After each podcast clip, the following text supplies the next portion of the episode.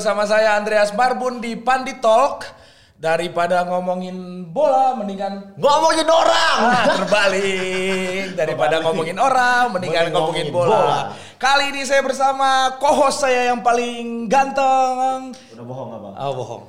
Bersama saya Oki Rengga Mantap. di Pandit Talk. Nah, hari ini kita mau ngobrol-ngobrol tentang kemarin kan rame-rame nih. Oke. Iya benar. Di ada di Instagram ada salah satu pemain mengunggah foto eh, makanan apa nasi bungkus ya. Iya nasi bungkus. Aku Ah. juga tahu itu postingannya. Terus dia membuat eh, caption dan hashtag yang ya aku sendiri nggak tahu tujuannya apa itu. dia buat gitu. Tapi kita kali ini ngomongin bukan hanya bukan ngomongin tentang negatif-negatifnya yang ramai-ramai di media sosial tersebut. Iya benar. Tapi hari ini kita ngobrolin bersama ada Kang Asep dari fisioterapis Timnas dan Mas Rizal fisioterapis Timnas U19. Selamat, Selamat malam Mas Rizal. Selamat malam, Oh, Kang iya, Marbun. siap. Kang Oki. Ya mas. Lagi di mana nih mas? Lagi santai di hotel, Mas. Oh lagi di hotel. Oke, Bang Asep. Eh, Kang Asep hadir di situ Kang Asep. Mas Rijal bukan fisioterapis tadi nutrisionis. Oh nutrisionis salah. Oh maaf sekali. Maaf. Ini yang yang sebenarnya dicari-cari di klub-klub ini klub-klub di liga kita seharusnya. Iya, Di klub liga profesional kita belum banyak ahli nutrisi. Nah. Biasanya yang ngasih itu langsung pelatih kepala juga tuh. Oh ya? Iya. Itu zamannya Oki main pas pas Oki main. Masih gitu? aku masih ma- pas aku masih aktif yang ngatur gizi adalah pelatih kepala juga. Tapi bagus ngatur gizinya. Kadang bagus, kadang tidak. Nah, kali ini kita ngomong-ngomong sama Mas Rizal dan Mas Asep, Kang Asep ya, eh, tentang bagaimana sih seharusnya pola nutrisi yang diterapkan kepada para pemain khususnya di level profesional. Nah, eh, kali ini mungkin kita bisa mulai dari cerita-cerita gini Ki. Kan kalau dulu-dulu, kita kan dulu nggak pernah kenal namanya fisioterapis. ya benar. ya kan? Zaman-zaman 2000 berapa itu ya Kang Asep ya mulai-mulai ada fisioterapis di lapangan hijau nih ya? Kalau sebenarnya kalau dari dulu 2008 juga sebenarnya udah ada fisioterapis. Sudah ada ya? Sudah ada. Ya, cuma memang waktu itu boomingnya waktu Piala AFF 2010. Nah, itu mulai ya muncul sosok eh, salah satu senior saya, Matias Ibo kan. Wih, Bang Matias ya. Jadi ya, orang kayak semacam semakin tahu dan menjadi semakin penting. Ya. Dan setelah itu Benar, benar. sampai sekarang ya perkembangannya di setiap klub sepak bola akhirnya sudah mulai ada fisioterapi. Fisioterapi. Ya. Hampir semua klub bola sekarang punya fisioterapis ya? Betul, sekarang hampir semua klub bola ada fisioterapis. Karena kalau kita mengacu pada FIFA, Ya. fisioterapis itu dan eh, apa namanya dan dokter itu merupakan salah satu komponen grade A yang di mana Oke. itu harus ada. Cuma mungkin dulu di liga itu masih banyak yang akhirnya fisioterapis itu mungkin diisi oleh misalkan Masuk. ada pijat tradisional Oke. atau misalkan- tapi eh, seiring berjalannya waktu sudah mulai ada pembagian pemilahan dan memang kalau seorang fisioterapis sendiri kan memang dia yang lulusan dari kuliah jadi bukan hanya sertifikasi Ya, nah itu yang akhirnya kita juga karena bergerak eh, berkoordinasi juga dengan medis oke. tentang kebugaran juga seperti itu Jadi kalau dulu Ki, Iya, Bang. dulu kan belum dikenal fisioterapis, setelah Piala AFF 2010, klub-klub mulai menggunakan jasa fisioterapis dan pelan-pelan istilahnya mungkin klub-klub lebih per- apa ya, menerap banyak menerapkan sains di di apa ya di Di klub mereka sendiri. di klub mereka. Nah, hari-hari ini kan kemudian ketika mulai salah satu pemain kita yang kemudian mengupload eh, nasi bungkus di Instastory-nya. Iya. Saya sih merasa ini ya, ini pendapat saya Kak Mas Rizal sama Kang Asep ya. Sebelum kita masuk nanti ke jawaban-jawaban dan pernyataan-pernyataan Kang Asep dan Mas Rizal. Jadi saya tidak mau memandang dari sudut pandang negatif bahwa menyalahkan si pemain tersebut. Karena apa, Bang? Jangan-jangan mereka juga tidak aware dengan soal gizi dan kemudian klub-klub itu tidak membudayakan ada ada soal gizi yang harus diatur, ada kemudian gimana sih caranya kalau misalnya precision, makanannya Iya, benar, apa, benar, benar, benar. apanya yang perlu ditambahkan, lalu kemudian di musim reguler kayak gimana, atau bahkan mungkin ya Kia, di masa cedera apa sih makanan yang kemudian jadi penting, misalnya gitu.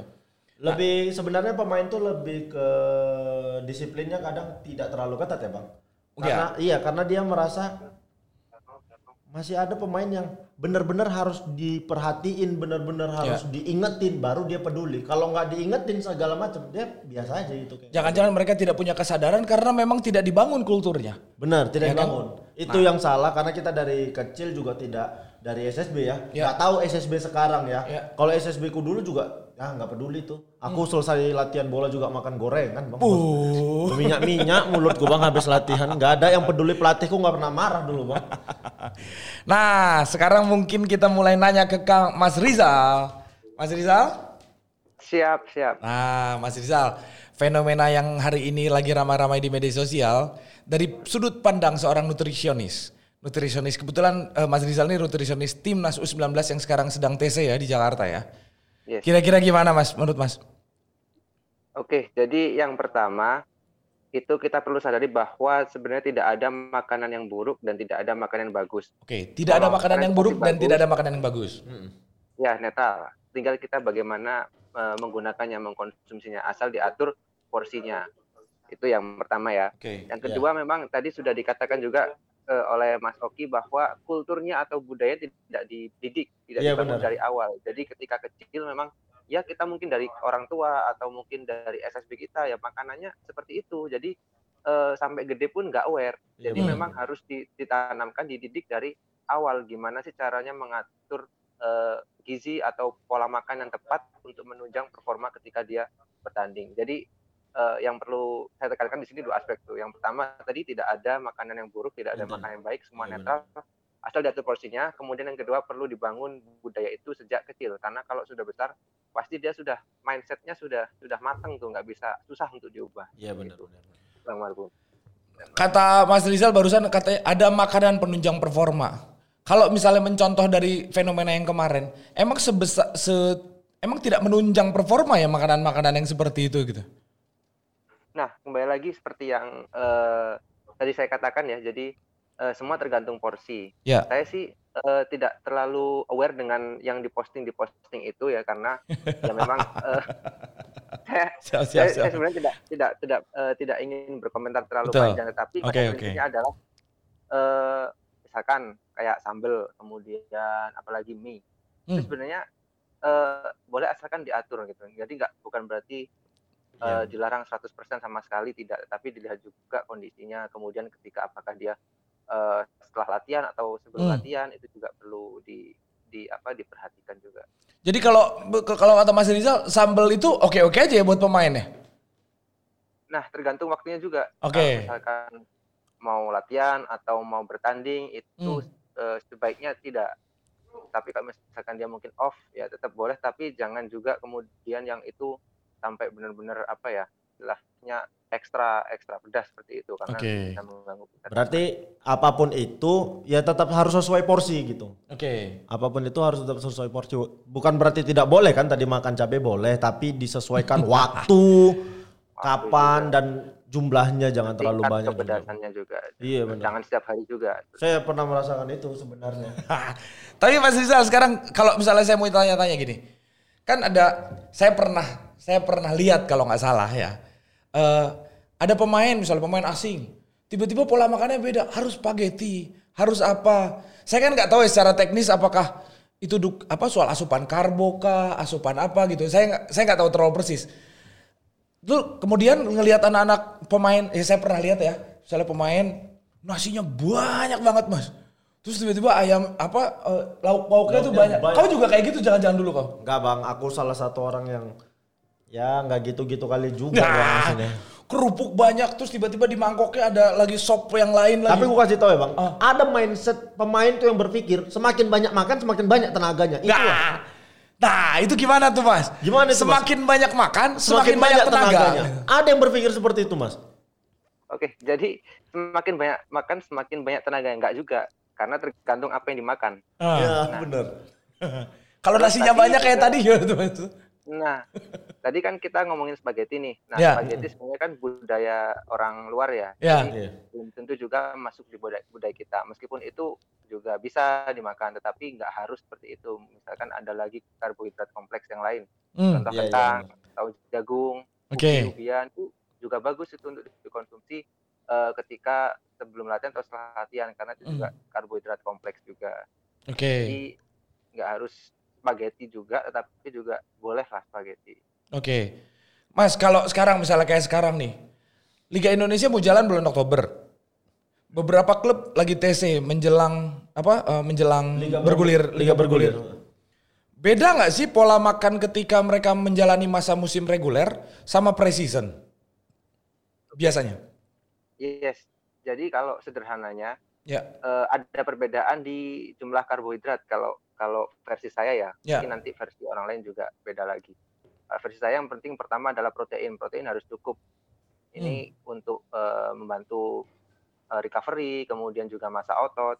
Nah, Oke. kalau karbohidrat sendiri disesuaikan dengan intensitas latihannya. Ketika kemudian off season tentu nggak terlalu banyak bergerak, maka karbohidratnya juga harus dikurangin Harus biar nanti dikurangi ya. Oke. kadar lemaknya nggak naik. Iya, iya. Kemudian ketika preseason itu ditingkatkan karena intensitas latihan juga semakin meningkat. Apalagi ketika match ya atau mungkin di se- sesi-sesi pertandingan Ya. itu butuh yang namanya apa ya setelah pertandingan itu glikogen otot atau mungkin apa istilahnya karbohidrat di dalam otot itu harus cepat dikembalikan untuk pertandingan selanjutnya. Jadi porsinya harus lebih dibanyakin lagi. Sorry Mas, Jadi coba dijelaskan kembali Mas yang soal glikogen otot itu apa Mas? Nah, itu dia. Jadi coba saya menceritakan ya. Jadi eh, otot kita itu ada gulanya gitu. Oke. Jadi itu yang jadi sumber energi kita. Nah, Ah, ketika kemudian kita latihan berat, maka otomatis kita butuh tenaga lebih banyak. Nah, Oke. makanya ototnya glikogennya harus terisi dari makanan karbohidrat. Oh, Si Oki nggak pernah mas pas zaman main kayak gitu. Bener. Yang ada kalau preseason dia makan gorengan banyak. Kau makan apa kau? Aku makan nasi bungkus aku dulu Nah, pas nasi. Makanya aku latihan berat, Itu makan pas zaman kau di klub yang gak digaji dong. ya di Aceh. Jadi aku pernah latihan berat, makanku banyak kok tetap lemes ku pikir. Nah. Tambah lemas. Ternyata tidak terpenuhi untuk apa tadi glikogen Glikogen otot. glikogen ototnya. Oh, seperti Jadi itu. tadi Mas Rizal bilang kalau preseason karbonya mulai ditambah ya mas ya. Kalau off season mungkin karbonya harus Ya, agak harus dikurangin. dikurangin, benar. Tapi gimana Harus caranya mas? dikurangin. Kan biasanya nih mas, pemain ini kan kalau off season pulang ke kampungnya, ya kan, ketemu sama keluarganya, Makan Ngeliwat. makan makan. wow kan bebas kan mas. Itu boleh cheating-cheating itu boleh lah ya sekali-sekali lah ya. Oke, jadi kalau masalah itu kembali lagi tergantung porsi, Mas. Oke. asalkan dia paham kebutuhannya, kemudian kondisi tubuhnya apakah kadar lemaknya itu sudah sudah range ideal atau Ya. masih berlebih, itu juga perlu diperhatikan. Kalau misalkan masih berlebih ya, Hmm. atau misalkan off season kan biasanya orang ketika eh, pertandingan atau sesi preseason kan pola makannya sudah terbiasa banyak. Jadi Ya. ketika pulang dia makan banyak lagi. Hmm. Nah, tergantung kondisi komposisi tubuhnya. Kalau misalkan masih berlebih ya sebaiknya tetap dikurangin, nggak nggak boleh yang terlalu bebas juga. Itu. Karena banyak pemain yang ketika di tim dia badannya ideal, pulang sebentar balik Nah, tuh ya. berat badannya Iya. langsung naik karena mungkin tidak menjaga pola makannya selama di rumah. Betul betul. Nanti berat lagi ketika masuk eh, sesi latihan lagi nanti jadi kembalinya ke awal itu kondisinya agak berat. Itu merugikan pemain sendiri jadinya kan kalau seperti itu Betul, kan. betul. Bahkan mungkin sampai ketemu sampai ke match fit itu butuh waktu yang lebih lama dibanding itu ya. Nah, Iya benar-benar. pertanyaan saya mas, kan sekarang nih preseason ya mas ya. Ini kan mumpung kan Pandit juga banyak yang denger teman-teman pemain yang mau main di liga nanti yang Iya mau. benar-benar. Siapa tahu mas ada tips mas. Ini kan teman-teman beberapa ada yang klub-klubnya mulai masa preseason. Mulai ya, mulai preseason nih. Ada klub-klub yang masih belum manggil pemainnya, yang masih off season. Gimana sih gitu? Karena kan ini sekaligus sekaligus minta pernyataan juga mas. Kalau misalnya gini, kan tadi kita bilang di awal klub juga banyak yang saya nggak tahu aware apa enggak, meng-hire nutrisionis apa enggak gitu. Setahu saya paling PSM yang ada nutrisionisnya ya. Eh, Setahu saya, setahu saya, saya nggak tahu di klub-klub lain. Biasanya biasanya dokter tim tuh Bang juga. Dokter tim yang ngurusin. Iya. Dokter tim yang ngurusin. pejabat. Tidak tidak spe- eh, spesifik ahli gizi, Oh, ada iya. dokter tim tidak. Biasanya dokter tim dia yang ngatur eh, gizi pemain juga seperti itu biasanya. Nah, kembali yang tadi Mas soal saran Mas ke teman-teman itu dan kemudian kira-kira yang spesifik misalnya kalau yang belum mulai masuk preseason atau misalnya masih main-main latihan-latihan kecil di depan rumahnya, apa sih yang harus dibuat gitu kira-kira Mas? Jangan sampai kejadian nasi bungkus nasi bungkus ini terjadi lagi gitu kira-kira gitu Mas. Jangan sampai ada nasi bungkus nasi bungkus selanjutnya. Oke, jadi yang pertama ketika awal masuk preseason Ya. itu sebenarnya perlu di asesmen dulu seperti dengan Mas Asep juga ya maksudnya eh, kita semua asesmen dulu apa sih masalahnya dia. Nah kalau di gizi itu ada namanya body composition. Jadi di dalam Oke. tubuh kita tuh ada yang namanya lemak, ototnya seberapa, kemudian kadar airnya seberapa itu semua harus di range ideal. Nah di saat preseason itulah saatnya untuk memperbaiki komposisi tubuh itu. Misalkan yang lemaknya masih berlebihan, kemudian ototnya masih kurang dibentuk di Hmm. situ. Sehingga nanti ketika masa kompetisi itu dari segi fisik sudah benar-benar eh, siap tempur seperti Oke. itu. Nah, ketika body komposisi itu sudah diketahui masalahnya di mana, maka eh, salah satu tujuan gizi ketika pre-kom- eh, pre-kompetisi itu adalah untuk memperbaiki komposisi tubuh Oke. orang itu oke. atau atlet itu. Nah tadi ada ada, Ada titipan pertanyaan nih mas. eh, dari siapa Masuk. Dari ada Itali email, tuh. Iya, email dari wali kota Torino bang. Oh, wali kota Terino barusan ngemail mas. Dia nanya seperti ini, apa eh, kita nih makan banyak nih, pemain makan banyak, nanti aku bakal imbangin dengan latihan yang lebih keras gitu. Boleh nggak seperti itu? Tergantung makanannya tadi Ya. ya. Tergantung makanannya ya. Ketika makannya itu hanya karbohidrat saja atau nasi putih saja, kan nasi putih juga karbohidrat, tetapi dia memiliki indeks glikemik yang tinggi. Jadi indeks glikemik yang tinggi itu maksudnya adalah dia menaikkan kadar gula darah secara cepat Oke. dalam darah itu, sehingga kita memang tenaganya ada, tapi Hmm. kemudian dia eh, kelemahannya adalah menurunkan kadar gula darah itu juga cepat juga. Makanya Oh, kenapa ketika kita makan nasi terlalu banyak, nggak diimbangi dengan sayur dan protein, kita akan cepat lemes, cepat ngantuk. Oh gitu. Oh, gitu. Iya, Oh gini kebanyakan makan nasi sama gorengan, nggak ada sayur-sayur ya. Jadi kalau habis makan, kalau latihan ngantuk kok. Itulah Gi. kesalahan di Indonesia ini. Kenapa banyak murid-murid di Indonesia Ah. ngantuk? Karena pagi makannya nasi banyak lagi. Makanya di sekolah bangun iya nasi uduk makanya di sekolah ngantuk. Oh itu.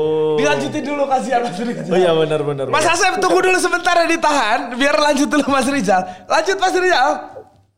Siap, terima kasih Bang Marbun. Jadi karbohidrat itu nggak hanya dengan nasi, bisa Hmm. diganti dengan karbohidrat kompleks yang lain. Contohnya tadi kalau di luar kan banyak Spaghetti. sekali tuh katanya atlet Pasta. sampai bosan ma- makan spaghetti ya, pasta, Ah. spaghetti. Kalau di kita sebenarnya banyak juga, misalkan nasi merah atau Nasi kalau merah. misalkan kita belum terbiasa nasi Oh merah nih, nasi merah bisa itu ya. dicampur 50-50. Jadi setengahnya nasi merah dicampur dengan Nasi nasi putih. putih ketika Ah. memasaknya dicampur gitu. Jadi tetap ada rasanya. Kemudian ubi, ubian, kemudian jagung, kentang itu juga bagus. Jangan lupa protein dan sayur juga karena selain apa ya, selain sumber karbohidrat kita juga butuh yang namanya zat yang lain. Misalkan protein ada ikan, ayam, telur, daging, eh, tahu tempe itu susu itu untuk membentuk otot kita. Hmm. Jadi selain sebagai tenaga juga otot kita juga perlu dibentuk. Oke. Seperti itu ya ya. Terima kasih Mas. Saya jadi bisa nge-share ke teman-teman saya yang lain kalau misalnya pola makannya salah saya kasih tahu. Salah kau salah gitu. Wah, ngeri kau. Kalau ada temen, kalau misalnya ini contoh nih mas, ini contoh misalnya. Saya pemain salah satu klub, rumah saya di Bantul misalnya. Terus saya pulang, presi- off season kan, off season. Pulang ke rumah, makanlah sate kelatak, sika. Nah, saat diajakin sama teman, eh kita kumpul-kumpul, makan, Makan liwat, liwat kita rame-rame, apa segala macam. Lupa berat badan. Asupan-asupan kayak gitu kan makanan-makanan tradisional Indonesia itu kan banyak yang kayak gitu mas ya Iya benar. daging-dagingan, terus kalau enggak liwet-liwetan, terus kemudian yang jeroan-jeroan segala macem. Kadang-kadang nih mas ya, ini off the record, nanti disensor aja. Kan banyak juga mas, pemain tiba-tiba ngeposting lagi di apa ya, eh, soto-soto yang itu loh. Oh iya iya iya iya Nah, iya. itulah iya, bukan. iya. Yang penuh dengan santan ya. Nah itu dia. Apalagi yang gitu mas, kan makanan-makanan khas apa ya? Tradisional kita Indonesia, gitu. heeh. Yang santan lah, yang daging apa segala macam. Kalau teman-teman yang pemain yang kemudian sudah kadung makan kayak gitu banyak di pada saat masa-masa off season kayak gini, apa yang harus dilakukan sama mereka di sebelum persiapan mereka masuk pre-season gitu? Siap. Ini pertanyaan berat nih. Tapi kan itu kan normal mas. Orang makan, ya apa Iya, iya. lumrah gitu kita lihat gitu. Iya ini sebenarnya dibutuhkan pemain juga ini. Nah, jadi ya seperti yang saya bilang ya, saya punya prinsip bahwa pola makan atau diet itu selain eh, harus memenuhi kebutuhan kita, itu juga harus apa istilahnya, kita juga harus bahagia menjalankannya seperti itu. Jadi, Nah, kalau makanannya hanya yang apa ya sangat clean atau sangat apa istilahnya sangat benar-benar yang direbus-rebus saja, nggak ada bumbunya, itu kan kita juga stres gitu makan itu ya. Iya mas. Tapi di sisi lain kita juga harus seimbang, maksudnya bukan dengan statement itu kemudian jadi pembenaran untuk makan segalanya juga, jadi harus tetap seimbang. Nah, apa yang dilakukan ketika sudah eh, itu jadi harus sadar diri lah, maksudnya Hmm. yang pertama eh, makanan Indonesia ini sebenarnya eh, apa ya, asalkan kita bisa mengatur itu sebenarnya sehat-sehat aja. Contoh nasi nasi padang nih, Hmm, Padahal ini kan mas, ini mas. Ini yang paling penting nih. Kemudian gorengan nasi banyak ya. Hmm. Jadi sebenarnya bisa diatur. Jadi ketika beli nasi padang contohnya ya kita request nasinya sedikit aja 1 sampai 2 Eh. centong, jangan yang kemudian sampai munjung. Nasi sedikit, satu. Ya, itu catat. Nah, Banyak juga pemain yang Kemudian- makannya sedikit memang. Sedikit lagi tumpah dari piringnya. Oke, lanjut mas. Nasi. yang ke- ya nasi dikit. Kemudian sayur biasanya mamang-mamang sayurnya kan ngasih sayurnya sedikit tuh. Ah. Iya. Sendok. Itu minta 5 sendok atau 10 sendok. Oh, sayurnya dibanyakin ya? banyak. Mm-mm, ya nanti bayarnya lebih ya itu. Iya, iya, nggak apa-apa sih. Kemudian eh, santan ya. Jadi kalau bisa sih kuahnya sedikit aja atau bahkan nggak usah sama sekali karena kan di lauknya sendiri juga sudah sudah ada bumbunya seperti itu. Nanti ditambah dengan sambal dan lain sebagainya. Kerupuk kerupuk juga kalau bisa ya eh, satu atau dua nggak nggak perlu terlalu sampai yang berlebihan. Jadi sebenarnya makan Indonesia ini ya gitu kita tergantung mengatur porsinya aja. Oke. Kemudian yang present tadi, gimana caranya agar precision siap? Nah, jadi ya kesadaran dari masing-masing pemain sendiri. Maksudnya ketika hari ini sudah kemudian misalkan tadi makan sate kelatak ya, kemudian diajak temennya makan ke mana ya, jangan semuanya diturutin hari ini, kan masih ada hari besok, hari dan lain-lain. Jadi tetap diimbangi dengan makanan-makanan sehat yang lain dalam sehari, enggak kemudian dikumpulkan dalam sehari makan makanan yang kayak gitu semuanya. Jadi mas, kalau misalnya saya boleh ini sedikit kan, kan pemain kan juga manusia berhak menikmati yang kayak gitu-gitu kan. Tapi yang penting punya tanggung jawab dan kemudian semuanya tidak berlebih. Misalnya kalau misalnya contoh kalau makan nasi padang tadi salah satu bentuk tanggung jawabnya adalah nasinya sedikit, Nasinya sedikit, sayurnya sayurnya agak banyakin, Iya, benar-benar. yang santan-santan kurangin, Dikurangin. rendangnya tapi tiga ki. Gimana ki? Gak apa-apa kan sehat juga itu. Daging itu bang, kebutuhan juga itu bang. Sekarang kita geser dulu ke Mas Asep. Mas Asep ada soal nutrisi dan ini kan Mas Asep ini kan fisioterapis ki. Oh iya. Fisioterapis banyak kemudian berhubungan sama orang-orang dalam ngomongin pencegahan cedera dan kemudian penanganan cedera. Benar, Oke, itu juga ada hubungannya sama soal nutrisi. Kenapa bang? Karena kita juga nggak tahu, eh, aku, aku sepengetahuanku Nah. makanan ketika cedera sama makanan ketika kita normal-normalnya juga juga beda. Enggak lah, kayaknya sama aja bang. Kau nggak tahu aja ki, kau klubmu apa ki dulu ki? Aku cedera ya itu juga aku makan mana ada bang, gak ada pengaruh kayaknya. Sembuh juga aku. Tapi mungkin lama jadinya, mungkin sembuhnya. Bener-bener gak tahu. Kalau mau dikasih tahu sama mas ini, ini Kang Asep! baru buat aku. Ya, Gimana tuh Kang Asep? Ada gak sih sebenarnya ada insight gak sih dari Kang Asep soal kayak eh, di luar soal tadi yang soal precision yang disampaikan soal Mas Rizal tadi. Apakah ada khusus misalnya makanan Abis cedera lutut, ACL putus, apa segala macam recovery-nya kayak gimana? Abis ketarik keceletit, apa itu artinya tuh? Yang di paha ketarik gitulah. Hamstring, hamstring. Ah, hamstring lah. Kenapa Kayak gitu. keceletit, Bang? Nah, apalah itu namanya. kayak kayak gitu Kang Asep gimana Kang Asep? Jadi kalau misalkan berbicara tentang hubungan antara nutrisi dan cedera, itu merupakan salah satu komponen yang penting. Jadi kalau kita ngomong orang cedera kan bukan hanya bagaimana kita melatihnya saja, bagaimana kita mengurangi nyerinya saja, tapi juga harus di memang disupport Hmm. oleh nutrisi yang eh, apa ya, nutrisi yang cocok. Nah, kalau kita berbicara tentang jenis-jenis makanannya apa saja, saya pikir itu Mas Rizal lebih Oke. menguasai untuk jenis-jenisnya. Kalau saya lebih memberikan seperti ini. Kalau orang cedera, rata-rata orang cedera itu kan sebenarnya mengalami yang namanya inflamasi.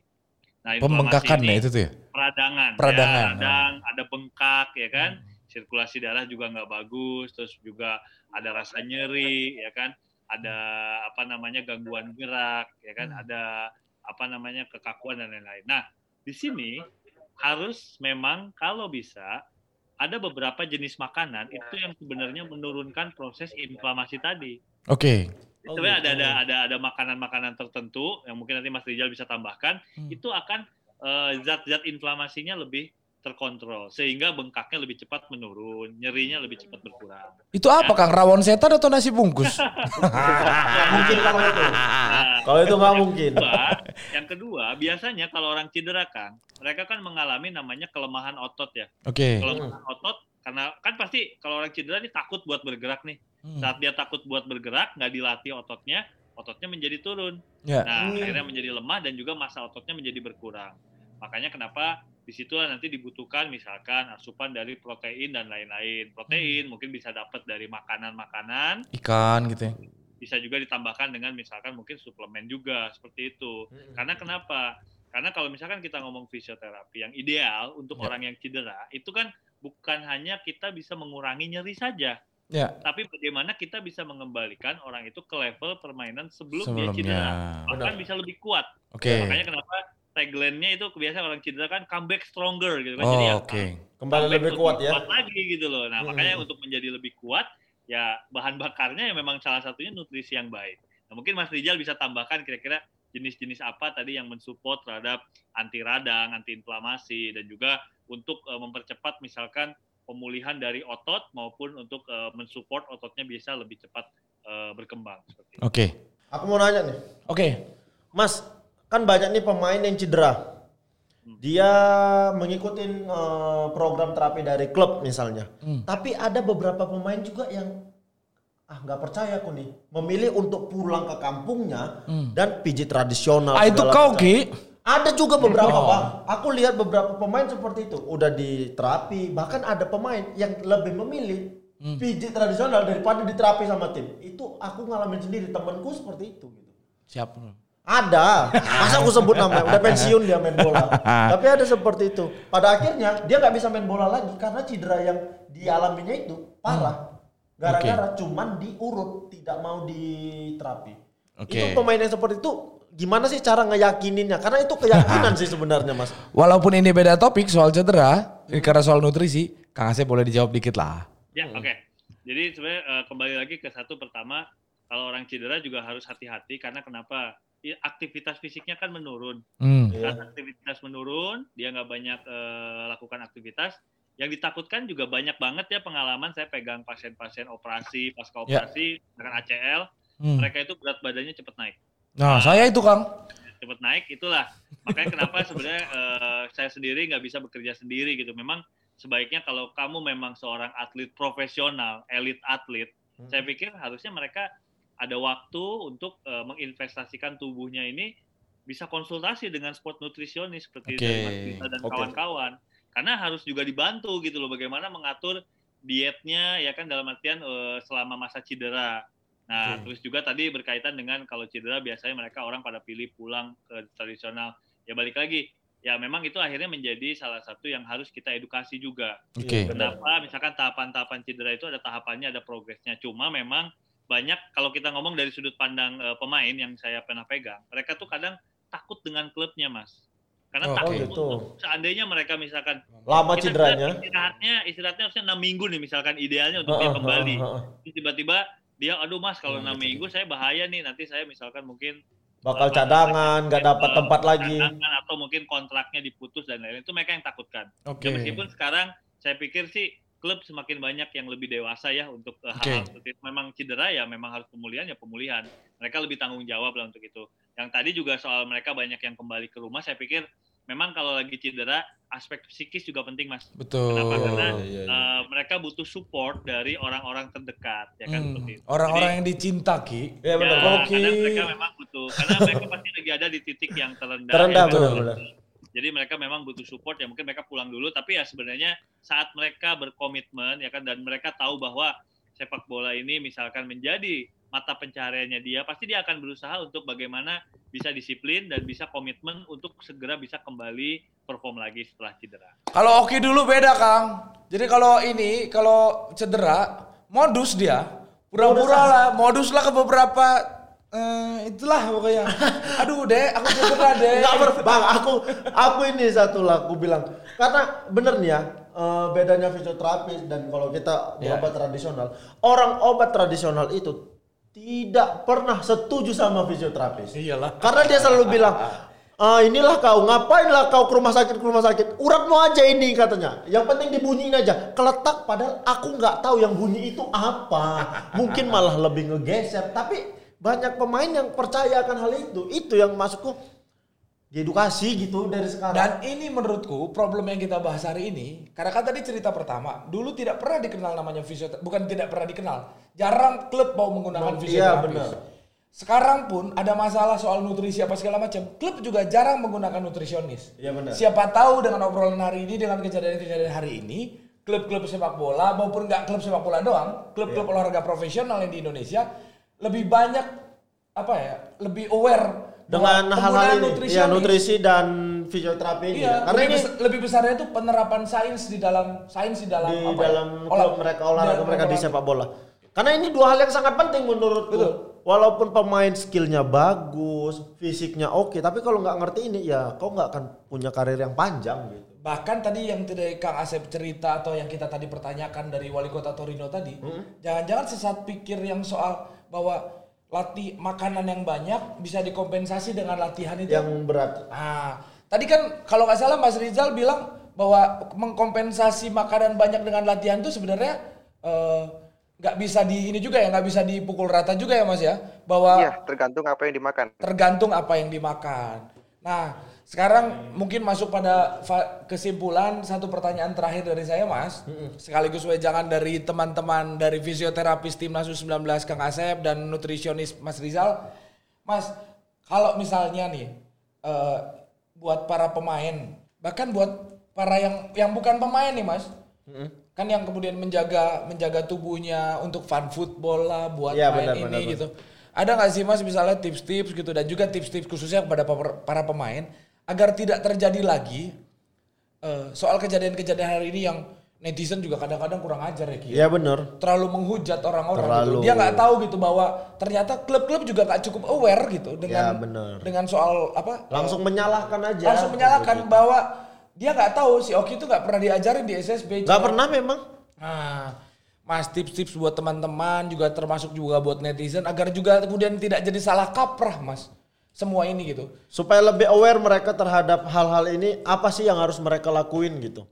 Soal tanggung jawabnya, Mas, soal apanya gitu. Saya juga nggak tahu. Tadinya saya pengen nanya, beda nggak sih nutrisi buat pemain defender, midfielder sama striker? saya pengen nanya lebih jauh itu, cuman kayaknya waktunya nggak cukup. Iya benar benar benar. Tapi ini untuk kali ini kesimpulannya aja gimana sih eh, apa sih pentingnya nutrisi Ya. untuk pemain bola eh, pemain sepak bola Indonesia atau mungkin untuk orang awam yang Awam. Bermain bola juga gitu. Seberapa penting itu? Gitu Mas Rijal. Heh. Saya dulu ya. Iya Mas baik. Jadi seperti yang dikatakan Kang Marbun tadi ya. Jadi eh, kalau gizi atau makanan itu ibaratkan bensin kalau untuk atlet tuh. Kalau misalkan di mana di mobil itu kalau misalkan bensinnya yang pertamax sama premium kan beda, eh, oktannya beda. Kalau kita benar. pakai yang pertamax maka angka oktannya tinggi, jadi motor atau mobil larinya kencang. Iya benar. Terutama kayak kita atlet kalau misalkan makanannya bagus, maka mereka kita lihat ya pemain-pemain di Eropa beberapa itu yang makin tua makin gacor kalau kata orang-orang Oke, karena iya, iya, dia benar. selain selain pola latihan mereka juga mengatur pola makan istirahatnya cukup dan lain sebagainya. Maka eh, gizi atau pola makan itu adalah salah satu investasi atau apa istilahnya hal yang harus diperhatikan oleh para atlet agar mereka itu tadi performa atau karirnya itu bisa bisa panjang gitu nggak hanya sampai usia 30 atau bahkan 35 pun masih Masih bisa masih bermain ya. bisa main dengan maksimal gitu. itu yang perlu dipahami oleh atlet Oke, Mas.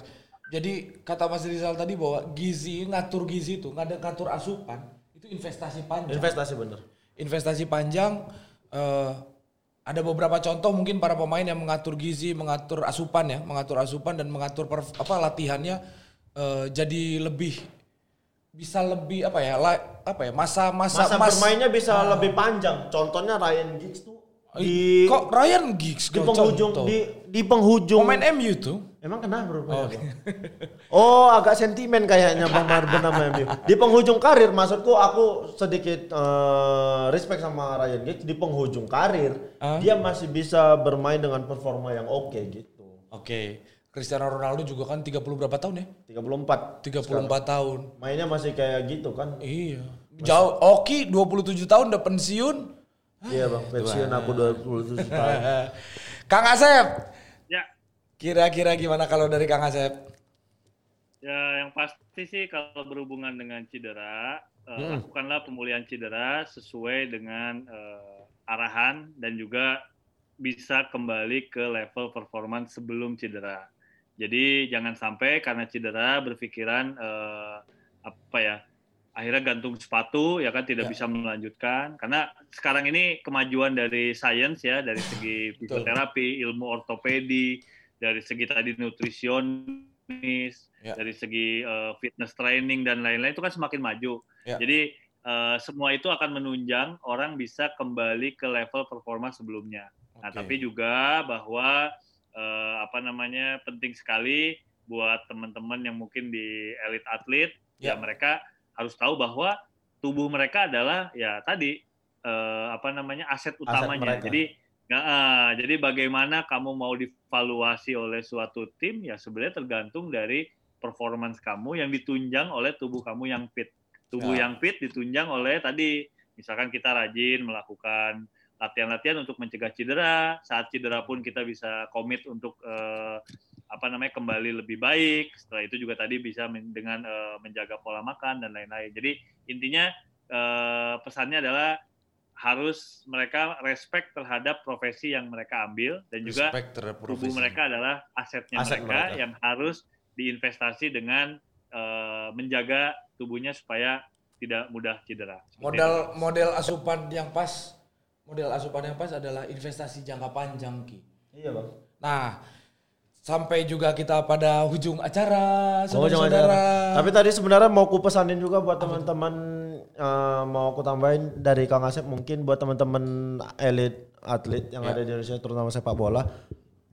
Mulai saat ini percayalah kalian dengan fisioterapi dan nutrisionis dong. dan nutrisionis. Percayalah kalian jangan apa yang udah dibilang oleh eh, terapis misalnya kalian cedera dan harus sembuh dalam waktu enam bulan mungkin ya percaya aja enam bulan jangan kalian takut diputus kontraknya Nah, gara-gara itu tapi banyak ki. Banyak makanya itulah gara-gara itu banyak atlet yang cedera sembuh sedikit main lagi cederanya lebih parah karena mereka tidak memanage itu Betul, dengan baik Betul, kan. betul.